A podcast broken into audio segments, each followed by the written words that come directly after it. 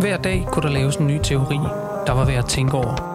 Små brud og overraskelser opstår i hverdagslivets praksiser, samtaler og busskuer og venter blot på at blive samlet op. Det gør vi i podcasten i Teorien. Podcastens samtaler foregår i rum, der summer af at tale. I hvert afsnit har vi samlet en teori op fra gaden eller undersøger en tanke, der aldrig har været formuleret før. Vi er gået i gang, er vi ikke? Det kan vi godt se. Jo. Det ser ud som om båndet ruller i hvert fald. Men det, altså, det, Jamen, så jeg ved ikke, om man, ja. om man kan tillade sig at kalde Kirsten Hylgaard åbningen. Altså, det ville jo være...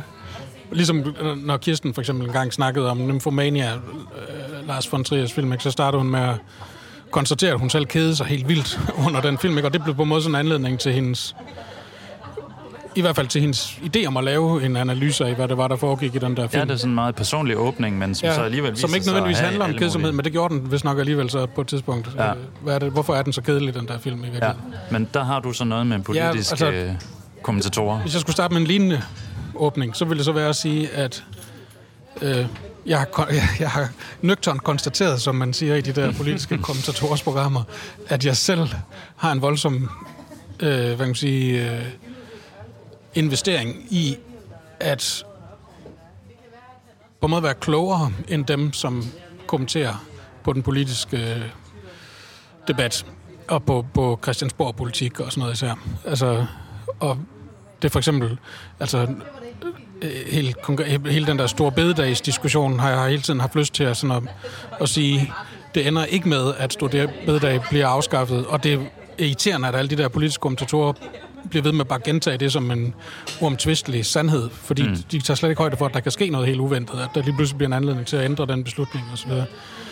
Øh, Men så, så på en måde, det, det øh, begær, kan man sige, i udgangspunktet handler om, det er, det er på en måde begæret efter at vise, at de ikke tænker sig om, at de ikke øh, laver et ordentligt stykke arbejde, at de ikke øh, i virkeligheden bidrager med nogen analyse, men kun øh, ja, spreder rygter, kunne man sige, som vi har snakket Jo, om. måske er det det der med, hvad er forskellen på en analyse, som vi vil kalde en analyse, og så en slags, en, på en måde en fremskrivning. Ja, Fordi det, de ofte gør i de her, alle de her utallige programmer på TV2 News, hvor de sidder forskellige politiske kommentatorer eller i forskellige radioprogrammer, jamen det er, at de tager på en eller anden måde en lille en tendens, og der er jo et eller andet. Altså nu under den sidste øh, forrige valgkamp her med Lars Lykke, altså at, at han skulle vende tilbage og sådan noget. Så på et tidspunkt kunne man begynde, begynde at se det i meningsmålingerne, at Nå, men det ser egentlig okay ud. Og så lavede man en fremskrivning og sagde, at Lars Lykke er simpelthen Danmarks øh, mest dygtigste politiske håndværker. Han er en snurev, og han vil altid vende tilbage, og nu får vi at se, hvordan og så videre, ikke?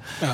Og, og er det en analyse? Nej, det er jo bare en fremskrivning af en tendens, og så kan det jo vise sig, at de tager fejl. Ligesom dengang Henrik Kvartrup måtte, måtte æde sin hat, altså fysisk, fordi han havde kommet til at sige det i, i slutningen af sådan en fremskrivning. Ikke? Han Ja. ville æde sin hat på, at Liberal Alliance ville blive, øh, ikke ville blive valgt ind ved ja. Folketingsvalget i 2011. Det blev de så. Men, men der er bare der er ikke så mange hatte, der bliver spist, og der er sådan en masse løse fremskrivninger hele tiden i de der programmer. Ja, og det, man kan sige, det som det for mit begær, eller min negative overføring, eller hvad man sige, det handlede om, det var så på en måde, at ville vise, at, de er bare nogle kloge over, der ikke øh, rigtig bidrager med noget, kunne man måske sige.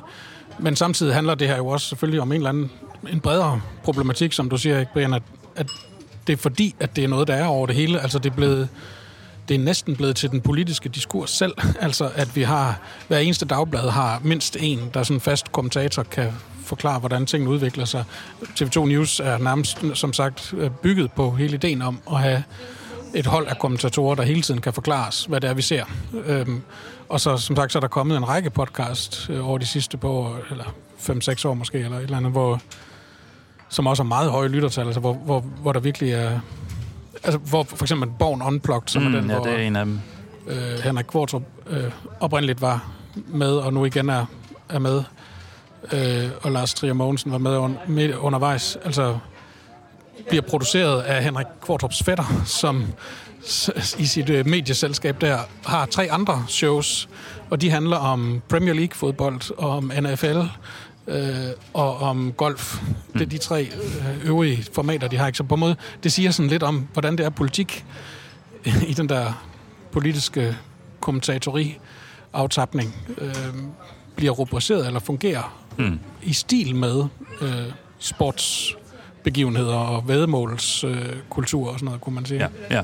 Men hvis man nu sådan skal sige det meget direkte, så det teoretiske arbejde, vi vil lave i dag, er forsøget på at sige, at der er noget med den der øhm, kommentatorrolle, eller de der, som, som Brian sagde før, de der fremskrivninger, som får en underlig... Øh, altså, det er jo helt klassisk, øh, at de har sådan en slags spot-effekt, som pludselig så er det, der genererer en ny virkelighed. Men, men vores idé er, at der er sådan en lille, mm, der er et eller andet teoretisk utilfredsstillende her, der, der mangler ligesom et eller andet ordentligt begreb til at forsøge at forklare noget om, hvad det er for en tilsyneladende neutral kommentar, der kommer fra en tredje position eller udefra, som sådan ligesom lykkes med at producere noget ny virkelighed, eller noget virkelighed, som som kun var til stede som sådan vag, imaginær, et eller andet, øh, altså noget diffust imellem de der første to positioner, men som nu lige pludselig sådan synes at blive det, der sætter en helt anden virkelighed på plads. Ja. Øh, altså, måske kunne man også bare sige, det, det er næsten Altså spørgsmålet her er, hvorfor der er behov for TV2 News, når vi har TV2? Altså hvad, er, hvad, er, hvad betyder den der lille addering, man laver i det? Der, der, kommer noget, der kommer noget mere til, altså der kommer det til, at nogen skal kommentere på det, der allerede er blevet sagt, ikke? Og det kommer til verden som, sådan, som om det er en fuldkommen neutralitet. Altså nu, nu, nu laver vi nogle, og det, det, er jo også, det siger det næsten eksplicit hele tiden, ikke? at det er, sådan, det er bare observeret udefra, eller det er ja, en, en, øh, de kalder det jo en analytisk position, ikke? og så kan man jo. sige, at vores pointe vil selvfølgelig være, at øh, det ikke er en rigtig analytisk position, mm, mm. men at øh, vi har et lille teoriarbejde at lave omkring, hvad det er, den der fremskrivning betyder, og hvordan den lykkes, for det er jo et lille slags uh, trylletræk i virkeligheden. Ja, og, spørgsmålet kunne måske så formuleres på den måde at sige, hvordan er det der blik, som hævder at være et neutralt blik udefra, selv indskrevet i det, som det beskriver? Altså, hvad er det, hvordan, hvilken funktion er det, det har ja. Ja. I, i, i den her politiske kultur? Ja, og det begreb, vi gerne vil foreslå til at prøve at forstå det der, det er det begreb, der hedder medoverføring med overføring. Og det kræver selvfølgelig en lille, en lille forklaring eller en lille baggrund. Vi har fra psykoanalysen det begreb, der hedder overføring. Og hvis man skal sige det helt øh, generelt, og som sådan en, en grundlæggende mekanisme i, hvordan øh, vi fungerer som subjekter, jamen, så er der altid overføring på spil. Og overføring betyder i den forstand, at vi øh, på en måde spejler os i, eller bruger andre som modeller for den måde, vi skaber os selv på. Så jeg har en overføringsrelation til øh, mine primære omsorgsgiver, som et lille barn, der vokser op og skal finde ud af, hvordan man skal opføre sig osv. osv. Det kan være til mine venner, det kan være til mine idoler, det kan være til mine lærere. Det er en, en lang række af, af identifikationer, som skaber den måde, jeg kommer til at opføre mig på. Så det er en overføringsrelation. Og det som, det, som man så har arbejdet med i psykoanalysen, det er at sige, hvordan kan vi tage hele den pakke af forskellige overføringsrelationer med ind i, i klinikken, for at prøve at se, hvordan de fungerer. Altså kan der findes en måde at analysere selve overføringerne? Ikke bare at lave en ny overføring, altså patienten på lægen, men simpelthen at analysere alle, alt det stof af overføringer, som jeg har gjort af. Og så er der hos, øh, hos Freud og andre, har der også været den øh, idé at sige, jamen de her overføringsrelationer, de fungerer også som sociale diskurser. Altså de kan opstå imellem øh, borgere og ledere, for eksempel. Øh, Freud lavede øh, nogle analyser i, i bogen øh, Jeg-analyser og massepsykologi, hvor han analyserede sådan nogle massebevægelser. Hvad er det for noget? Hvad er det, der sker, når mange mennesker tager det samme objekt som deres egoideal, som man kalder det lidt teknisk, men altså skaber en overføringsrelation til en stærk leder, for eksempel. Hvad er det for noget? Ja, han kritiserer jo sin tids massepsykologi for simpelthen at undervurdere kærligheden som dimension i sådan nogle øh, politiske massebevægelser. Ikke? At man elsker lederen simpelthen. Ja, ja. ja og det er det der med, altså kærligheden er jo en stærk øh, drivkraft i overføringsrelationen. Det kan sådan set også være viden. Altså der er en, der, der ved noget, eller har noget, synes at have en en viden tilgængelig, som jeg ikke har. Den viden vil jeg gerne have fingre i. Den, jeg vil gerne vide det samme. Det er som om den politiske leder ved, hvordan vi skal øh, handle, ved, hvad det er, der skal ske, ved, hvordan vi skal håndtere den, den situation, vi står i, og derfor følger det, og jeg får, et, jeg får et kærlighedsforhold til det. Altså viden og kærlighed fletter sig sammen der. Og det, og det er den klassiske overføringsposition, ikke? og den kan vi observere alle steder i, i politik for så vidt. Jo, og i alle mulige andre slags forhold. Fordi sådan, alle andre forhold. Helt simpelt sagt, så kan man også sige, det er, jo, det er jo det, at hver gang vi indgår i en ny relation, så kommer der en gammel relation med i den nye relation. Ikke? Altså, så den er ikke kun to minutter gammel, den er to minutter gammel, men bare for at sige det sådan virkelig direkte på det ubevidste plan, så er der samtidig noget i den her nye relation, som minder mig utrolig meget om et forhold, jeg ikke engang er helt klar over, altså et forhold til min far for eksempel, ikke? Og, sådan, og så derfor er jeg lidt for autoritetstro imod det, du siger, eller man får en ny lærer, og man har næsten kun noget at hilse på vedkommende, før man allerede føler sig en lille smule under dagen, eller sådan, bare på baggrund af, at vi strukturelt set står sådan over for hinanden, som vi gør. Så jeg overfører min gamle relation på min, min nye relation, og det er selvfølgelig også det, der i klinikken, altså i den psykoanalytiske klinik, er ideen, man kommer ind i klinikken, og så har man en, altså hvad vi alle sammen kender som sådan en slags kliniker, en lægeskikkelse, altså en, som ved, en hos hvem viden bor, og den asymmetri skaber overføring til at starte med. Ikke?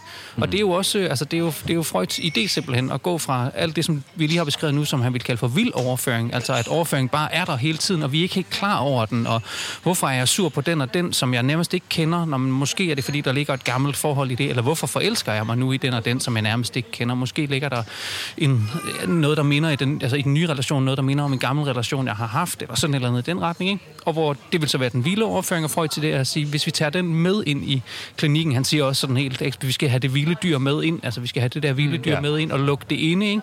Og så skal vi studere overføringen derinde, og det er en meget stor del af, hvad den psykoanalytiske praksis er. Den er Præcis. det at studere overføring simpelthen. Så kunne man også sige, at for at eksemplificere, kunne man sige, i forhold til en, en, det er jo selvfølgelig noget karikeret at sige det på den måde, men i forhold til sådan en almindelig lægepraksis, så kunne man måske sige, at der er overføringen i vejen. Altså hvis der er en patient, der kommer ind og siger, jeg er fandme sur på dig, fordi at du udskrev de her piller til mig og sådan noget. Jeg, mm. jeg skulle have taget, du skulle have sagt til mig, at jeg kun skulle tage sådan noget, eller et eller andet. Ja, ja hvis overføringen er for aggressiv ja, eller for, for Så vil lægen meget. typisk ja. måske sige, at det her, det kan jeg slet ikke altså, arbejde med. Og Freud vil netop sige, det kan vi arbejde med. Ja. Det, der. det er et godt sted at starte. Hvorfor ja. bliver du så vred over det? Kunne man ja. sige. Men man kan også sige, en, man kan også skælde mellem mild og vild overføring. Altså den mm. milde overføring er sådan set til stede i alle, i, i alle de typer af relationer, alle de sådan, asymmetrier, der findes rundt omkring. Jamen, der, der er læger og der er patienter, ikke? Og der skal være en mild overføring. Øh, fordi ellers så tager jeg jo ikke de der piller, som lægen har udskrevet. Nej, præcis. Øh, Nej, jeg ikke tror på det, fordi der er et eller andet, han prøver at snyde mig, eller der er et eller andet, ikke? Altså, der skal og... være en, overførings, en velfungerende, mild overføringsrelation. Den må bare ikke blive for voldsom, kan man sige. Og det skal den jo i alle de der symmetriske relationer. Du er nødt til at tro på, at din lærer ved et eller andet, du er interesseret i at vide. For at... Ja. ja, præcis. Ja. Sagde jeg ikke det? Nå, jeg sagde, okay, men det, det var det, jeg mente i hvert fald. det må jeg ikke men, men, jeg kan ikke afgøre det. Men for at du bliver ved med at sidde på din stol og lytte efter, hvad der bliver sagt, så er du nødt til at stole på, at, at øh, læreren ved et eller andet, eller måske det endnu mere banale eksempel, at sådan, nogle gange så er der folk, der kommer tilbage fra et lægebesøg og siger, nu har min læge sagt, nu skal jeg simpelthen holde op med at ryge, så nu har jeg tænkt mig at gøre det. Altså sådan, det, okay, det er jo ikke, fordi der er en ny viden i det. Det er ikke pludselig, at der er kommet et eller andet, en helt ny indsigt, eller sådan, men, men det er selve den position, selve den relation, som jeg stod i til dette autoritetsforhold, er det jo typisk, ikke? som kan sige noget fuldstændig banalt, som jeg nu endelig for første gang tror på. Ikke? Altså, mm. du er nødt til at holde op med at ryge. Okay, og hvis vi så tillader os at tage det skridt, som, som Brian på mig allerede tog fra starten, ikke med massepsykologi og jeg-analyse, altså at, at uh, tage det over på den politiske bane, eller hvad kan man sige, den sfære, den dimension, så, så er det jo ret ukompliceret på en måde at sige, der, ligesom der er overføring alle steder, så er der i høj grad også overføring i, i uh, politisk kommunikation, for nu at sige det på den måde, ikke? eller i politik. Um, og jeg, af en eller anden grund falder Inger Støjberg mig lige ind, altså som eksempel på sådan en figur, der også er, er kan sige, objekt for en enorm masse overføring. Ja. Øh, og måske er det ikke helt tilfældigt, at hun falder mig ind, fordi at det er netop sådan en figur, som, som formodes at vide et eller andet, øh, men som ikke nødvendigvis helt giver svaret på, mm. hvad det er egentlig helt præcist, hun ved. Mm. Men enormt mange elsker hende nærmest, kunne man sige, fordi det er hende, der ægte udtrykker det, som vi alle sammen har brug for, eller ja. det, som er blevet undertrykt, eller der er mange sådan nogle figurer ligesom hende, men altså hun er, det, hun er ret markant figur, som tydeligvis er objekt for en enorm masse overføring, fordi hun formodes at kunne gøre et eller andet for os. Og, det, og min pointe der vil være, og det har hun selv forstået, og det mestrer hun til perfektion, og det er det der, som jeg har forsøgt at formulere på gange, der aldrig lykkedes mig helt, men hendes logo blev jo på et tidspunkt, da hun var i gang med at opstarte sit parti og sådan noget, den der, selve hendes knold mm. i nakken, altså hårknolden, mm. hvor man kan sige, hvad betyder den? Jamen ingenting, og alt muligt. Mm. Alt det, som I tillægger mig, den viden, I tillægger mig, fordi jeg er en del af folkedybet, eller har øh, sådan en afgørende forbindelse til det, er kondenseret i den der knold, som ikke i sig selv betyder noget, men som er punktet for Måske er det et identifikation. lille, måske er det et lille Altså- O. Et lille objekt. Jamen, det, det er et objekt Ja, af i er Lacans forstand. Altså, det er selve begærets objekt årsag. Mm. Vi får ikke at vide, hvad det er. Nå, men det er det, vi begærer. Vi får at vide, at her er motoren for jeres begær, og det er mig. Jeg kan fortolke, hvad det er. Hun stiller sig på analytikernes plads, kan man sige, men på en enorm pervers måde, vil man nok sige, som den, der, der simpelthen ved det og, og mestrer det og vide det. Og det bliver, synes jeg, kondenseret i, den der, i hendes logo med den der, mm. med den der karakteristiske knold, ikke? Og nu, Så- sagde, nu ja. sagde du det jo bare sådan helt øh, direkte, det var jo stort set et Lacan-citat, men det er jo netop det, han siger. Han siger jo øh, ret eksplicit, så snart der er et subjekt, der formodes at vide, så er der overføring. Ja, Mm. Og det er jo det er sådan grundformularen. Så snart vi forestiller os, at der er en, der formodes at vide et eller andet, så er overføringen på plads, og så er der overføring. Ikke? Og det kan man sige, det er sådan Lacans øh, kondensering af hele den der overføringsproblematik. Hvorfor ja. er der asymmetriske forhold mellem nogen, der formodes at vide, og nogen, der, der orienterer sig efter nogen, der formodes at vide? Præcis. Det er på en måde hele motoren i psykoanalysen, den kan jo ikke komme i gang, medmindre at der er nogen, som man går til for at mm. få noget at vide på en eller anden måde. Mm. Men samtidig så skal man arbejde med lige præcis det i psykoanalysen, ikke? Og, og så er det jo ikke... Altså, nu er vi allerede godt inde i sådan hele den politiske diskurs, kunne man sige. Altså, og, og jeg tænker, måske er det også relativt uproblematisk bare at tilføje som observation den enorme effekt af medialiseringen af hele den politiske debat, kan man sige, ikke? At, at øh, det at kommunikere via alle mulige medieplatforme, øh, i hvert fald mindst giver en anledning til, at man kan selvfølgelig ikke, det er jo ikke sådan, at, at det vil, det vil være dumt at sige, at det er blevet et meget større eller stærkere problem, fordi nu startede vi lige med, med de fascistiske massebevægelser mm. i 30'erne, ikke? og der kan man sige, at i en vis forstand var det formentlig stærkere, Ja. libidinøst, øh, det som foregik der, det som Freud analyserede på, kunne man sige.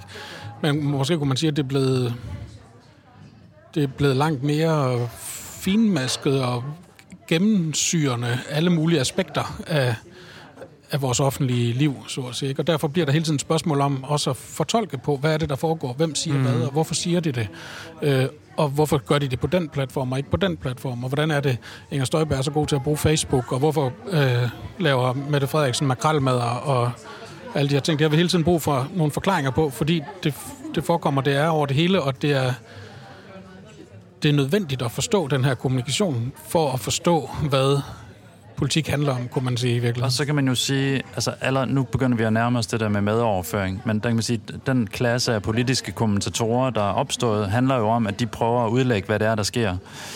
Når Inger Støjberg gør det, og når Mette Frederiksen spiser makrelmad, og når Lars Løkke gør, hvad han nu gør, sådan nogle ting. Ikke? På en måde er de til for at analysere, vil man så sige noget af det der. Men, ja. men det, de ofte gør, er lige præcis, at de fremskriver de der bevægelser. Altså, de fremskriver overføringsrelationerne og siger, at jamen, altså, der var også på et tidspunkt med, med Dansk Folkeparti, noget vi havde set os sure på, det der med, at det var som om, uanset hvad de sagde, og uanset hvor, hvor modstridende det var, de kunne sige det fuldstændig modsatte med sådan en uges mellemrum, ikke? men alligevel, de er fortolkere af, af folkedybet, de har den der direkte forbindelse, de ved, hvad det vil. Det, det, de kan ikke gøre noget forkert på den måde. Ikke? Og det, det var en politisk øh, kommentator, diskurs, mm. der gav os den fornemmelse et eller andet Ja. sted. Altså, det ved jeg ikke. Bare et eksempel, det kan godt være, at det også er sådan en personlig bias eller et eller andet, der blander sig i det, men altså, jeg synes et stort eksempel, det var hele karikaturkrisen, hvor Dansk Folkeparti og Pia Kjærsgaard blev sådan virkelig hovedeksponenten for den der fuldstændig kompromilløse holdning til, at ytringsfriheden aldrig kan antastes, og sagde måske tusind gange i den debat, at man må aldrig sige men, efter at vi har ytringsfrihed i Danmark. Og så gik der et par år, jeg kan ikke huske, hvor lang tid der gik, men der gik nogle år, så kom der forskellige debatter om for eksempel øh, kritik af soldater, øh, der, øh, der udførte pligter i andre lande, og der var noget med Dannebro, og jeg kan huske, der var nogle andre ting. Mm. Hvor i den ene debat efter den anden, Pia Kærsgaard og Søren Espersen, han der på det tidspunkt, blev spurgt, jamen det ikke, var det ikke sådan, at vi aldrig må sige men, efter at vi har ytringsfrihed? Jo, det er bestemt, at vi skal, sige øh, Pia Kærsgaard på et tidspunkt. Og, det, og der var ikke nogen modsætning i det. Det blev aldrig sådan rigtig et problem, egentlig, Nej. i, i de der debatter. Og det har selvfølgelig at gøre med, at øh, det som det der politiske kommentatori mangler, kan man sige, det, det er på en måde måske en interesse i sandhed, for nu at tale sådan med store filosofiske begreber, og frem for øh, det, som jo også er sådan en slags dogme for hele den der industri, det som jeg kunne huske Niels Krause Kær, journalisten, altid citeret med stor begejstring, det amerikanske udtryk, perception is reality. Altså, det som er vigtigt og virkeligt, det er det, som folk opfatter som vigtigt. Men på en måde også hukommelse, et eller andet sted ja. meget basalt, ikke? Men, men uh, Freud har jo et sted, hvor han, han taler om psykoanalytisk teknik og sådan noget. Hvad skal man gøre, når man sidder og når lytter til en analysant? Og Freud brugte ikke notatteknik, mens han sad og lyttede til, mm. til analysanter.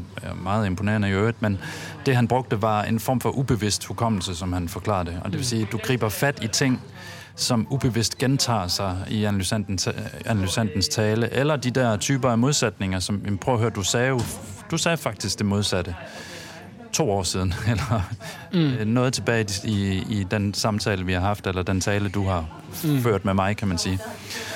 Og, og den type af, kan man sige, bid, den type af bid er der meget sjældent i politisk kommentatori. Ikke? Altså den, den type af, af hukommelse, som ikke bare er at sige, hvad blev der sagt, og hvad skete der, og det blev sagt i forskellige kontekster og sådan noget, men det der med at få, få fornemmelsen af, her, her kan vi fange nogen på ordet, mm. altså på det, der bliver sagt på en bestemt måde. Den, den synes jeg meget sjældent er til stede. Altså det, det, der bliver fremskrevet, er ikke så meget øh, den øh, politikerens specifikke tale, men hele tiden talens effekter i det der rum mellem politikeren og vælgeren. Og hvis det, hvis det har noget for sig, hvis der er noget der, man kan sige noget om og fremskrive og fremhæve og forstærke osv., så er det det, der bliver gjort i det politiske mm. kommentatori. Og det, man kan sige, det kan godt være et problem, at den her politiker har sagt det modsatte for to år siden, men det behøver det ikke at være. Altså, og det kan godt være, at det er tværtimod er noget, der er fremviser en styrke. Altså, mm. at man... Mm det ved ikke nogen, man sige, Jacob Ellemann øh, siger, at, at jeg vil aldrig gå i regering med Mette Frederiksen. At vi er åbne ja. over for, at det faktisk ja. godt kan blive et, en styrke for ham, hvis det lykkes at lave den her regering. Og nu må vi se, hvordan meningsmålingerne altså, øh, viser sig. Der er ikke nogen nødvendighed i, at der er noget rigtigt eller forkert i det, så at sige. Men, Nej, og analysen går jo på, Nå, men hvordan kom han ud af det ja. i vælgernes øjne? Øh, så er det skidt ud, så er det godt ud. Er han forslået nu? Er han på vej frem? Kan vi se noget i, i nogle af de her små målinger, vi laver hele tiden? Kan vi fremskrive noget?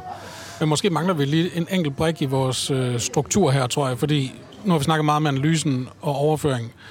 Øh, men altså, et problem, som Floyd selv arbejdede med, var jo også det, som han kaldte for modoverføring, øh, og som er omstridt, og Lacan betvivlede, at det egentlig var et nyttigt begreb, faktisk. Øh, men men det, som det en ret banal forstand i hvert fald betyder, det er selvfølgelig, at analytikeren selv i den analytiske situation øh, også blander sin egen, ja, måske viden eller bevidsthed om sin egen viden eller sine følelser i en eller anden mere generaliseret forstand ja. ind i analysen og på en måde lader sig styre af at ville forklare et eller andet, eller at ville vide bedre, eller ville noget godt for patienten, eller et eller andet. Ikke? Og Freud selv men Lacan blandt andet, at Freud overså nogle af sine egne fordomme. For eksempel, når han havde at gøre med homoseksuelle patienter, havde han en tendens til at misforstå noget ved deres situation. Øh, et par gange i hvert fald. Øhm, mm. Men altså, modoverføring består i, sådan helt banalt sagt, at analytikeren selv heller ikke er fri for overføring, kunne man mm. sige. Ikke? Mm.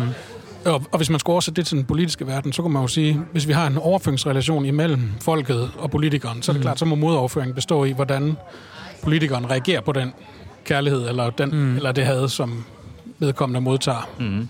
Jo, i klinikken kan man sige, at sagen altid er den. Det er jo ikke fordi, at man bare slipper af med overføring, og pointen er heller ikke at gøre sig, gøre sig ren af det, men at det taler med ind i analysen, og at der er et arbejde også for analytikeren i at forsøge at forklare det. Det er derfor, en analytiker selv skal have været igennem en psykoanalyse simpelthen, for at have en form for klarhed i, hvad det er for en, vi kan så kalde det modoverføring, eller kan sige også et sted, at måske skal vi bare kalde det hele for overføring, men det er altså egentlig er pointen bare her, hvilken vej pilen peger på en måde. Altså, man kan sige det så simpelt som, har analytikeren eller politikeren, men i det her tilfælde i klinikken analytikeren, øh, ubevidste følelser i forhold til, til patienten, ikke, som kommer ind. Altså, at, øh, at det mener analytikere om, om en gammel relation, eller der er noget, der genartikuleres fra en gammel relation her, og derfor lytter jeg til det, du siger på en særlig måde, eller hører dig egentlig sige noget andet, ja. eller høre noget andet gentaget i det. Ikke? Og, og det, må der, det må tale med ind i analysen. Altså det må tale med ind i, hvordan man kan analysere noget eller nogen. Så det du siger, Henrik, er jo også, at hvis man så forestiller sig, at nogen ser en eller anden politisk skikkelse som en form for øh, frelserskikkelse, eller en som, en, som der bor så meget øh, viden hos, at vedkommende ved lige nøjagtigt, hvordan man skal. Altså, der er, nogle, der er noget økonomisk viden, der er noget, altså i Lars Lykkes tilfælde, sådan noget viden om at spille spillet og international politik og sådan noget, som sådan, det, det bor hos ham. Så hvis vi vælger ham, så får vi en, som kan spille det spil, så vil modoverføring der ligesom være, at Lars Lykke samtidig begynder faktisk at tro på, okay, jeg er den, der virkelig kan varetage Danmarks interesser og sørge for, at dem, der stemmer på mig, øh, kan jeg på en eller anden måde kaste min kærlighed tilbage på, på samme måde, som de har kastet den på mig. Og hvor vi så egentlig tænker, at man med den politiske kommentator jo introducerer en tredje position, Altså en, som ikke bare står imellem sådan øh, overføring og modoverføring, men som øh, på en måde har det der øh, moment af medoverføring. Altså mm. nogen, som forstærker overføringsrelationen, som på en måde næsten tror endnu mere på den, end de involverede. Mm. Altså som kan finde, altså som sådan suggestivt næsten ligesom puster til, til ilden. Jamen, hvad nu hvis det ikke bare er, at Lars Løkke sådan set altså, kunne være meget fin at have med? Hvad nu hvis han virkelig er altså et, et politisk geni, sådan som der nærmest blev fremlagt altså, øh, af, af forskellige kommentatorer i forbindelse med den sidste valgkamp, ikke? Ja, og det er lige præcis der, den ligger, at for, for, for de politiske kommentatorer er det det, der er interessant. Altså, det er ikke interessant nødvendigvis at analysere overføringsrelationer og, mm. og kan man sige, komplicere, åh oh, nej, hvad nu hvis der er noget på spil her i min... Øh, eller det ved jeg gå ind i alle de der komplicerede spil om overføring og modoverføring og sådan noget, og prøve at finde ud af, hvordan gør vi os fri af det. Men tværtimod at spille med i det spil og involvere sig i det, engagere sig i, hvad nu hvis, hvad nu hvis det var, at Lars Løkke havde fat i den lange ende her, ikke? og han igen kunne fra en, fra en position, hvor, hvor at det var helt usandsynligt, men altså gå ind og tage magten og, og føre det der til ende og sådan noget. Altså prøve ligesom at bevæge sig i det, i selve det overføringsspil, men uden egentlig at analysere det. Og det, det er sådan ja. set det, der, der, der er på spil. Ja, så man kan sige, det som en medoverføring består i, det er ikke at lave sådan en eller anden fuldstændig banebrydende analyse af et eller andet, eller se en sandhed, eller et eller andet, der vil vise sig lidt senere hen. Men det er på en måde, hvis det virkelig er en original øh, kommentator eller en kommentar, så er det måske at se, at der er nogen, der har sagt noget et eller andet sted, som vil komme til at få en indflydelse. Altså at mm. der er den her gruppe for eksempel, der er begyndt at, de er begyndt at protestere i fagbevægelsen over et eller andet, eller der er dem, der bor øh, nede i Sønderjylland, som måske har en eller anden. Hvis man havde set, at den der, det gule valg, der kom dengang øh, Dansk Folkeparti pludselig gik voldsomt frem, ikke? Og var det, ja, 2015, tror jeg. Ja, jeg tror jeg. Øhm, hvis man havde set det på forhånd, det var der ikke rigtig nogen, der så netop. Mm. men men så, så var det, fordi man var en dygtig kommentator, der havde hørt de stemmer, der var, og så, så kom han med sine forstærkere, sin mikrofon og sine forstærkere og sagde, vi skal høre, hvad der foregår her. Ja.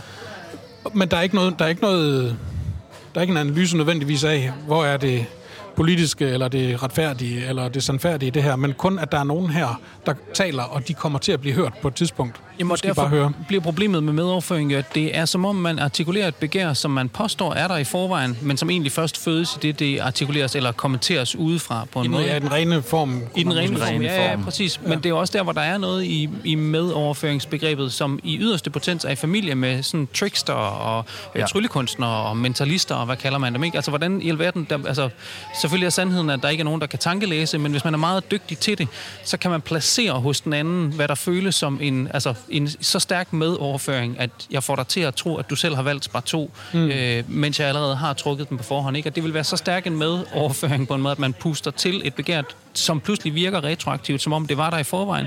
Men det hele tricket er, at når man vender kortet, så er der Lars Lykkes ansigt på, og det lyder nu som om, at alle i virkeligheden vil have ham i forvejen. Ikke?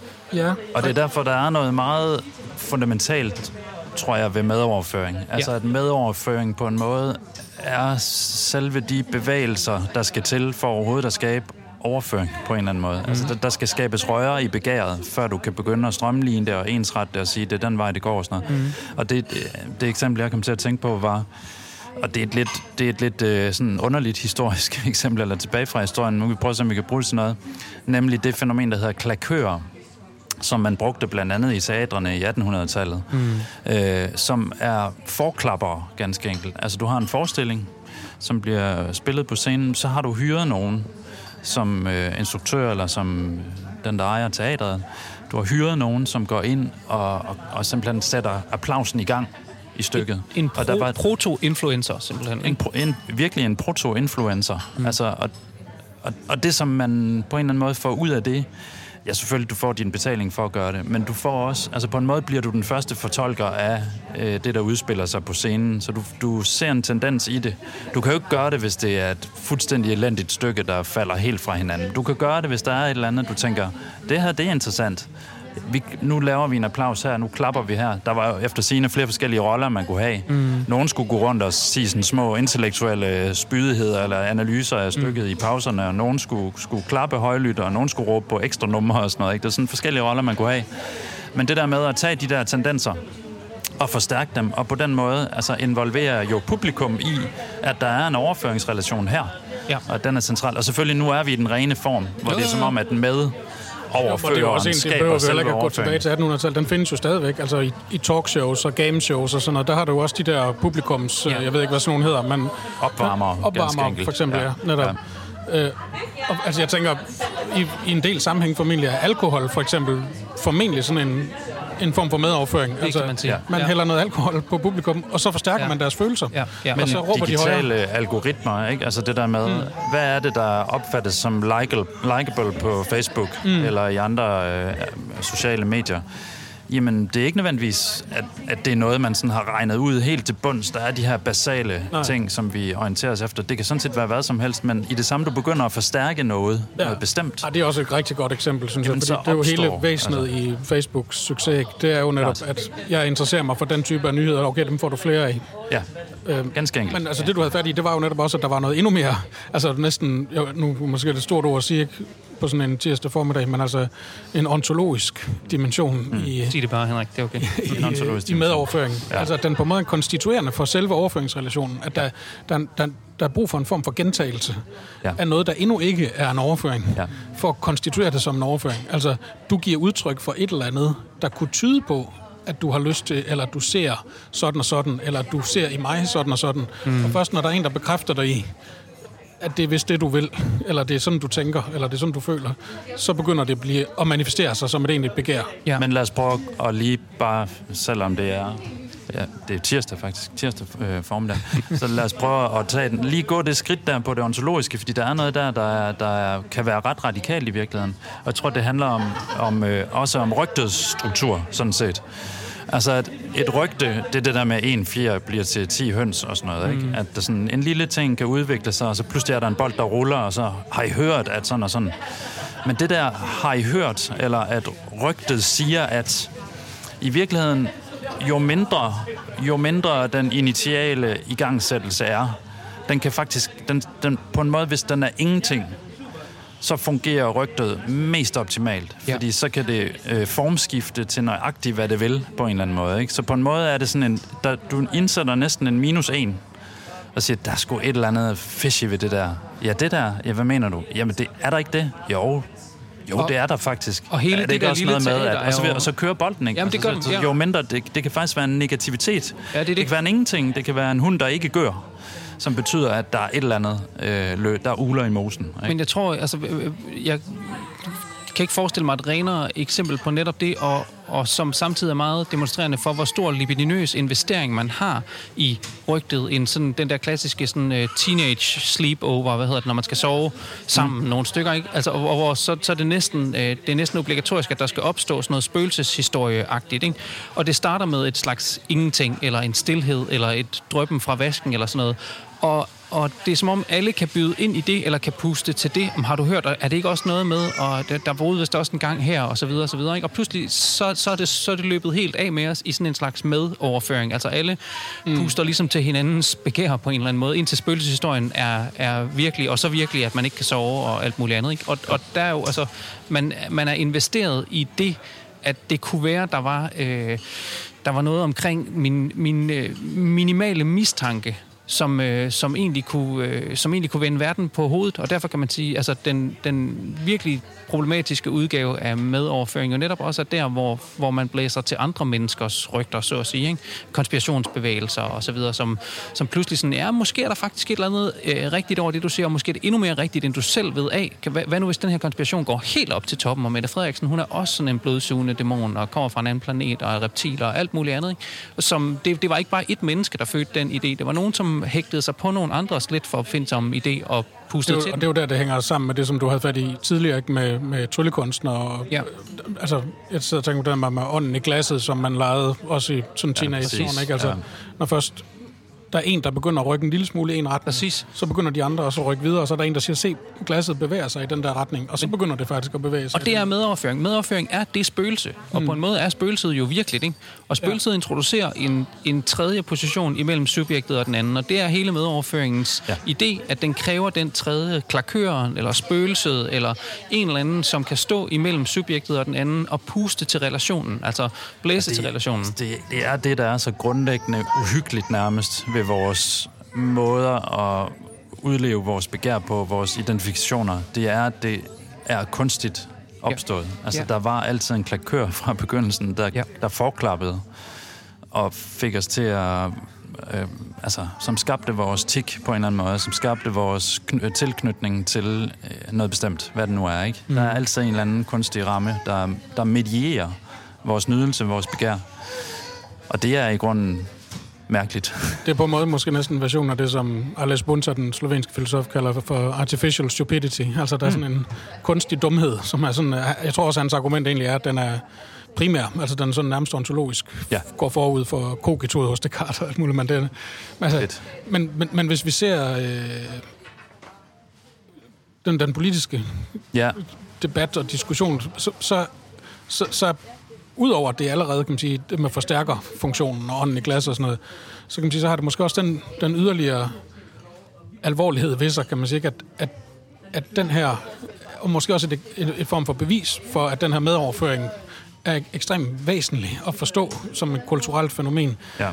Fordi man kan... øh, Det, et bevis for det, det er måske, at den måde, som politikere selv begynder at adressere det her kommentatorlag, altså, eller den, det, den indbyggede forventning om, hvordan det vil blive modtaget, eller perciperet, eller blive fortolket af nogen. Så en politiker vil, vil på en måde næsten allerede på forhånd kommunikere refleksivt, kunne man næsten sige. ikke? Altså med sådan et indbygget medoverføringslag, mm. som tænker det med, hvordan vil øh, den og den gruppe i samfundet reagere på det her, eller hvordan vil øh, kommentatorerne forholde det, hvordan det bliver udlagt, og hv- hvordan kan det bruges imod mig senere, og alle sådan nogle ting. Ikke? Jo, men det er klart, at politikernes tale i meget høj grad vil, så vil være henvendt til medoverføreren, altså til kommentatoren, og knap så meget til, til folket, men folket er en del af, af den tale, som forventes.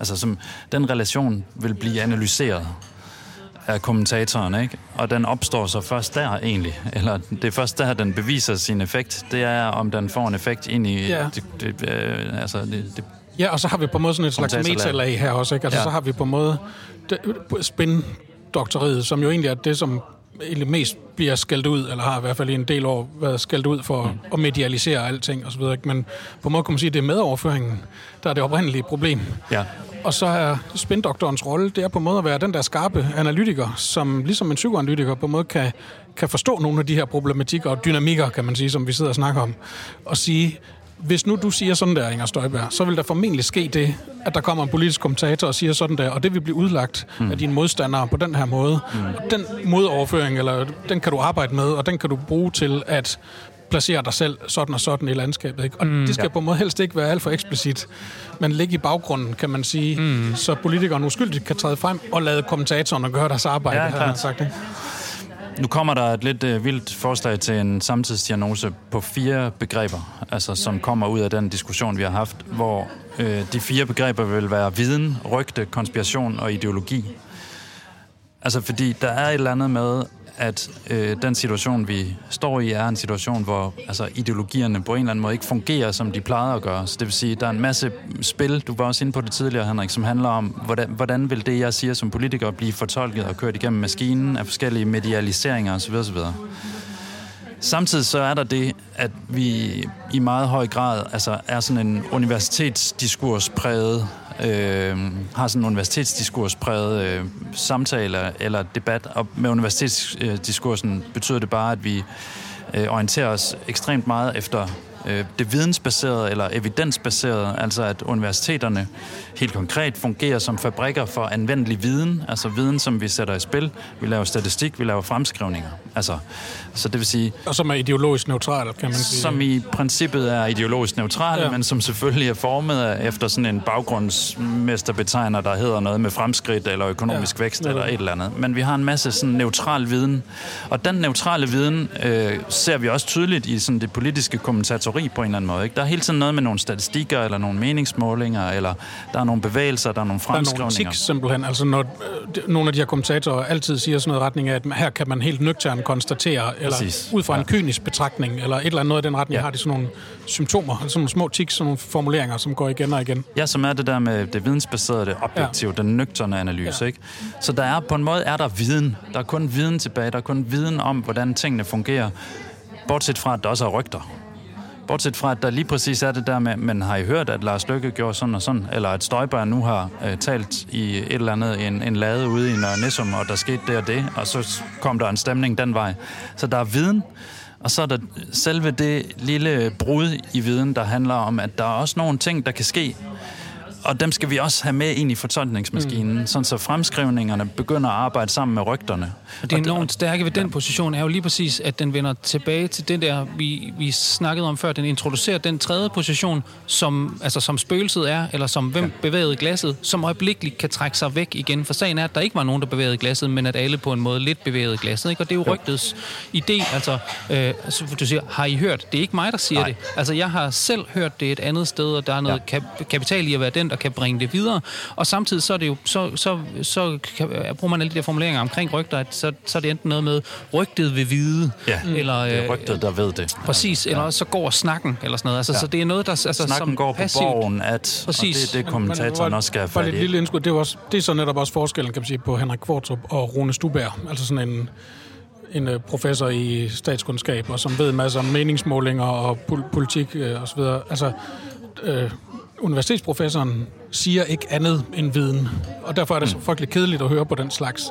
Det, som en, en politisk kommentator kan, det er at basere sig på den viden i et vist omfang, men inkludere rygtet, så det bliver svært at skælne ja. på en måde ja. viden for rygter, kunne man sige. Og så er der den sidste skælden, fordi jeg tænkte på det, da du nævnte QAnon og sådan nogle øh, bevægelser, Anders, at der det måske gjorde jeg nu ikke, men det lå lige mellem du, linjerne. Før og det du var, gjorde det. Ja, jeg tror bare, ja, det kan være, du gjorde det før. Vi, okay, vi havde en lille før snak. Det kan man godt afsløre. Men du havde fat i noget med konspirationsbevægelser. Jo, jo, jo, jo, præcis, Konspirationsteorier. Du nævnte ikke QAnon. Ja, ja. Det er en af dem. Det er en af de bevægelser, der er vokset mm, så stærke mm. på sådan et grundlag.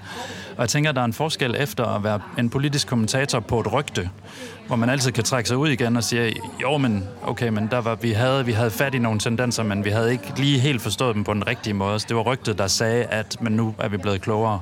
Så man har sådan et, et kan man sige, et lidt distanceret forhold til at være fortolker af rygterne. Men sådan en konspirationsteori handler på en måde om at, at leve sin verden gennem rygtet. Altså rygtet bliver til tingen i sig selv på en eller anden måde, eller det bliver til den konspiration, som bliver sådan en substantiel verdensudlægning af, at der er en ring af pædofile, som styrer amerikansk politik, mm. for eksempel. Ikke? Øh, den, der, der er to måder, kan man sige, at, at agere med det der, den der ånd i maskinen. Altså enten som rygte eller som decideret konspiration. Jeg tror alligevel, der er en forskel, hvor den ene vil ja. være medoverføringsniveau, og den anden vil være en form for superoverføring nærmest, eller overoverføring. Altså mm. en overføring, der, der er blevet for meget for vild i, sit, øh, i sin udlægning af, hvad det er, vi skal forstå ud af de her tegn, vi får. Jamen, det vil så sige, at øh, i tiden sådan efter ideologiernes død, det vil sige, prisen, vi har betalt for at komme af med den politiske ideologi, det her på en måde, at vi, vi kan vælge mellem viden, det er Rune Stuberg, eller rygter, det er Henrik Kvartrup, eller konspirationsteorier, det er så QAnon.